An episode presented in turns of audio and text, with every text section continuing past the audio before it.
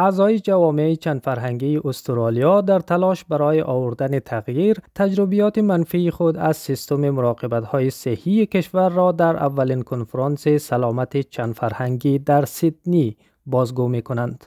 دنیش پالیپانا متولد سریلانکا به عنوان دکتر بخش عاجل در شهر گولد کوست ایالت کوینزلند با چالش های سیستم مراقبت های صحی استرالیا به خوبی آشنایی دارد. او می‌گوید که در سیستم صحی استرالیا نادیده گرفته شده و این سختترین چیزی است که از سر گذرانده است.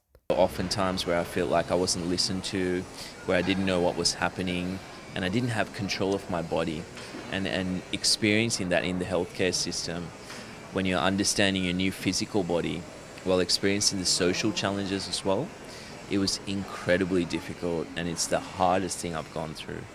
تجربه دکتر پالیپانا چیزی است که در سراسر جامعه صحی منعکس می شود و دکتر کوینلیتی چانگوای می گوید که بسیاری از افراد جامعه احساس می کنند هنگام جستجوی کمک صحی به آنها گوش داده نمی شود. When they go there, they feel like they're never listened to. Uh, that you know the attitudes of um, I guess the healthcare workers in the secondary system was less than friendly.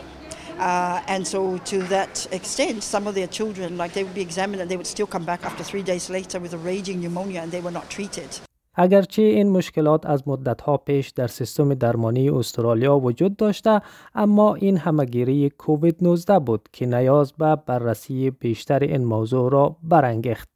داده های اداره احصایه استرالیا نشان می دهند که در سالهای 2020 و 2021 تعداد مرگ افراد متولد خارج بیشتر از متولدین استرالیا بوده است.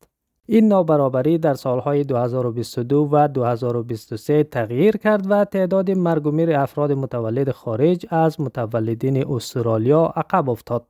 کارلو کارلی رئیس فدراسیون شوراهای جوامع قومی استرالیا می‌گوید که سالهای اول همگیری کووید 19 نابرابری در سیستم درمانی کشور را برجسته کرد و دولت‌های ایالتی و فدرال باید از این همگیری درس بگیرند. COVID shook people up a bit. It really focused the, the, the inequities that were, in, that were in the health system. And I think from another end, we have to really prepare for the next um, uh, pandemic. It doesn't seem to be uh, an issue that's just gone away. So all the learnings can't be wasted. And I think the federal government and also the, at least um, the state governments that we've had discussions with seem to be very responsive to that. بیش از 500 نماینده و کارشناس برجسته صحی از سراسر استرالیا در این کنفرانس گرده هم آمده تا در مورد چگونگی بهبود سیستم مراقبت های صحی برای جوامع چند فرهنگی و جستجوی راه های تازه برای از بین بردن نابرابری ها در سیستم بحث و تبادل نظر کنند. سازمان دهندگان این کنفرانس می گویند که با توجه به کاستی ها در داده های موجود این گفتگوی است که ضرورتا باید صورت بگیرد. کارلی می گوید که در سیستم صحی استرالیا آمار و ارقام بسیار کمی برای تمایز گروه های مختلف مردمی وجود دارد و این نمی تواند کاستی های سیستم را برملا کند. We have very little data to, that differentiates different groups. A lot of our data is really derived from postcodes. And we know that there's enormous inequality in terms of health outcomes and um, well-being according to people's postcode. دکتر کریس لیمو می گوید که این کنفرانس در تلاش است تا برخی از فرضیات مبتنی بر نژاد را در هسته سیستم مراقبت های صحی استرالیا برجسته سازد. به گفته او در این سیستم تصوری که از یک فرد عادی وجود دارد یک شخص سفید پوست از طبقه متوسط جامعه با سواد متولد استرالیا و انگلیسی زبان است و غیر از اینها دیگران به عنوان افراد اضافی دیده می شوند. There's a lot of assumption that the normal person in the health system is a white middle class literate you know Australian born English speaking person who lives in the city and our health system basically caters for that group and everyone else is seen as an extra. در حالی که این گفتگوها هنوز در مراحل اولیه خود هستند، برخی از نهادهای صحی از همین اکنون اجرای راحلها را آغاز کردند.